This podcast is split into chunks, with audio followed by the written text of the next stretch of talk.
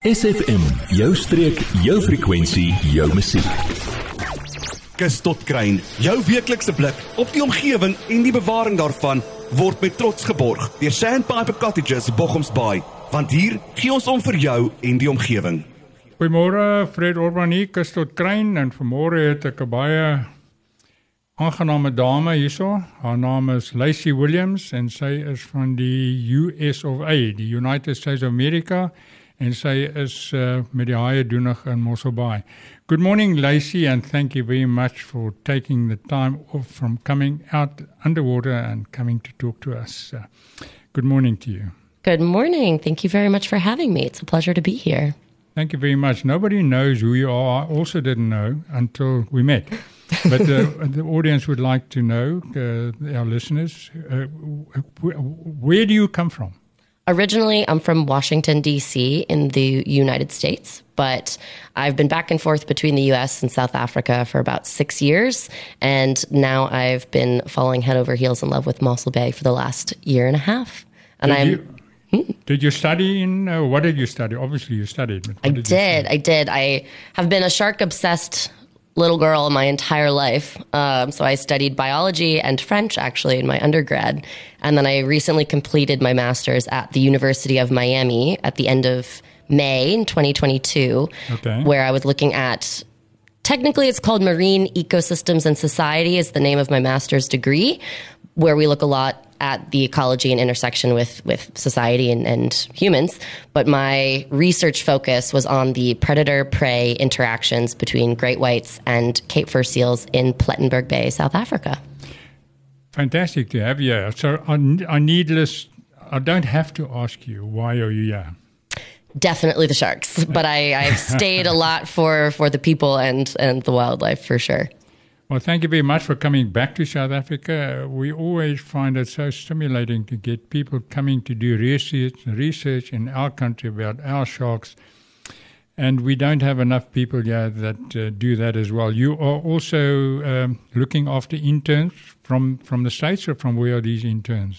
All over the world. Primarily, we're from the Northern Hemisphere, so we have a lot of Americans. We get some from the UK. I've had Swiss, German, but we've had uh, South Africans. Mm-hmm. We had a majority South Africans last August, which was awesome. Um, some locals from from Mossel Bay, from George, um, but we also have New Zealand and France and Italy and gosh, Ireland. You name it, the list goes on. Well, thank you very much. You are teaching us something, and we are very grateful to have people like you here who can also educate our own people and um, also uh, make people aware of sharks. We're going to have a bit of music, and we're going to go on to some questions I would like to ask you. Amazing. I'm honored to be here. Word deel van ons Facebookblad vandag nog facebook.com vorentoe skuinstreepie sfm streek. We are talking to Lacey Williams from the United States of America, and she's involved with oceans on shark research. Lacey, we've had some interesting comments from you, but tell us what is something most people might not know about sharks in Mossel Bay? Oh, I love this question. There's too much to say and not enough time. I think you love all the questions. I really do. Love talking about sharks. So many people are familiar with the great white shark, um, mm. but a lot of people might not be aware of the rest of the smaller shark species that are in Mossel Bay, a lot of which are only found in South Africa and some of which are critically endangered, like our, our smoothhound shark, which is often used mm. caught in commercial fisheries. But we have the pajama cat shark, the leopard cat shark, puff adder shy shark, dark shy shark. They're all these tiny, adorable shark species. And if you're an ocean lover or an angler, you might encounter these uh, shark species on a snorkel and a dive, shore fishing. Um, but what might not also be known is how little we know about these animals. Especially if you're used to seeing them or catching them quite often, you might think we know a lot about their biology and ecology, and we really don't. There are a lot of basic questions about how fast do these animals grow? How often do they reproduce? Where do they go? Do they move very far that we we just don't know yet? And and the problem is most of us don't want to know because we are scared of sharks because every shark is as far as most humans are concerned are man eaters. Just one question on man eaters. How many people are killed by sharks worldwide average? Throughout the world, let's say the world's got nine billion people, more or less more or less. More or less, on average, fatalities probably range between 10 to 20 per year. Definitely fact check me. We'd be bad scientists if we didn't. But it's not going to be anywhere in triple digits. It's going to be very, very 10 small. to 20 humans a year are actually killed by sharks. Killed. Whereas, And, but we are so scared of sharks. I mean, if a shark is seen in the waters in Durban, people don't get in the water in Cape Town for a week because of that. I mean, that is our fear of sharks. And that is one of the reasons why sharks are on the verge of uh, dangerous extinction. potentially because there's there's very few humans that are killed by sharks every year but um, it's orders of magnitude larger for how many sharks are killed every year we're talking hundreds of millions to maybe billions Killed it's a by- wide estimate killed by humans. killed by humans every year every year Through sh- uh, longline fishing and through a variety of commercial fishing. We also have recreational fishing. We have um, anthropogenic impacts. So climate change is a big one. That's an umbrella term with a lot of more specifications underneath that. Um, but a lot of human activity does end up killing sharks. Of course, there's natural predation, there's natural deaths, and uh, the great white, which is one of our biggest uh, attractions in South Africa for tourism, is uh, the apex predator. And uh, uh, but uh, this is another subject. That's how the orcas come into this, and how do they come into it. But we can talk about that at some other time. We're going to have a little bit of music, and we're going to go on to our next question with Lacey Williams from the USA. SFM, 'n juweel van die Suid-Kaap. Kaap, Kaap, Kaap, Kaap. Hi there, listeners. We are talking to Lacey Williams from the US of A, and she's in charge of our shark project in Mossel Bay with Oceans. Lacey, what is something most people might not know about sharks? I love this question. So in Mossel Bay, we'll stay here, stay local. Um, people probably have heard about the great white shark, and people have probably heard about them around the world. But most people, unless maybe you're an angler or often interacting with the ocean, don't know about some of the smaller shark species that we have in the bay. Yeah. There are pajama cat sharks, leopard cat sharks, tiger cat sharks, smooth hounds, soup fins. We have an incredible diversity of these smaller shark species that are only found in South Africa. So those shy shark and cat shark species, you can't find them anywhere else in the world but South Africa. And for those of you who are familiar with these species mm-hmm. as South Africans, what is often surprising is how much we still don't know about those animals and their basic biology and basic ecology. Because they're common, let's say you love to go fishing on the shore and you're familiar with catching the pajama cat sharks, you might see them all the time, you might think we know so much about them. We don't. We really don't know that much about their migration patterns, reproduction, growth rate. The pajama cat shark is one of the ones we know the most about, but leopard cat shark, who knows? You know what? In South Africa and, and worldwide, there's always this thing about sharks, man eaters. And the moment you say man eater, it reminds me of that film Jaws. It was, uh, and I think that was one of the great reasons why people hate sharks because of that movie and the message that it carries.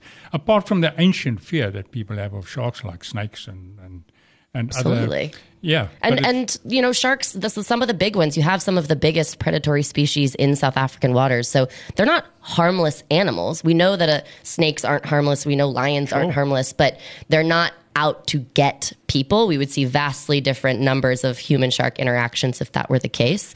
Um, the other side to Jaws is we actually didn't, as a species, really care about sharks. Scientists didn't really care about them until hmm. Jaws, until this fear was sparked. So the lesser known side was that the reason the scientific community now cares about sharks is because of Jaws. And then we realized, oh no, they're not these mine eaters. But by then the damage had been done, and we've been kind of trying to backpedal ever since. That's that's one of the big problems. The, the problem is that people think that humans are on the food chain of sharks. Are they? No, not at all. Bites do we probably happen. don't taste very nice. I would I wouldn't eat a human if I was a shark. Tell you, some of them look pretty tasteless as well. Definitely not. And there is an older study that I read in graduate school where they looked at uh, brain activity of a shark species under different stimuli. So they're the fats and oils from their natural prey, you know, different fish Yeah. or crustaceans, human blood, different um, things that people used to think would drive sharks mad, like sh- horse blood, human blood. And they actually had the most brain activity for their natural prey. not us. They know what they want and what they're looking for, and it's Thank- not us. Thanks for that, Lacey. We're going to do a bit of music and then we're going to go on to one or two more questions. Our time is so limited and our subject is so used. But uh, let's get on with the music and then uh, ask you the next question. Fantastic. Jy, ja jy. Nou dat ons jou aandag het, vertel jou vriende van SFM en ondersteun plaaslik. SFM maak elke dag 'n goed gevoel dag. SFM. We are talking to Lacey Williams from the United States of America. She's involved in the Oceans uh, Research Project in Mossel Bay. Tell me, we were talking about how many sharks are killed by humans and how many humans are killed by sharks. Let's just have a comparison to give people an idea. You think uh, on, let's take the subway trains in This is a great stat. In New York City, um, you're statistically more likely to be bitten by a person on the New York subway than you are to be bitten or killed by any shark.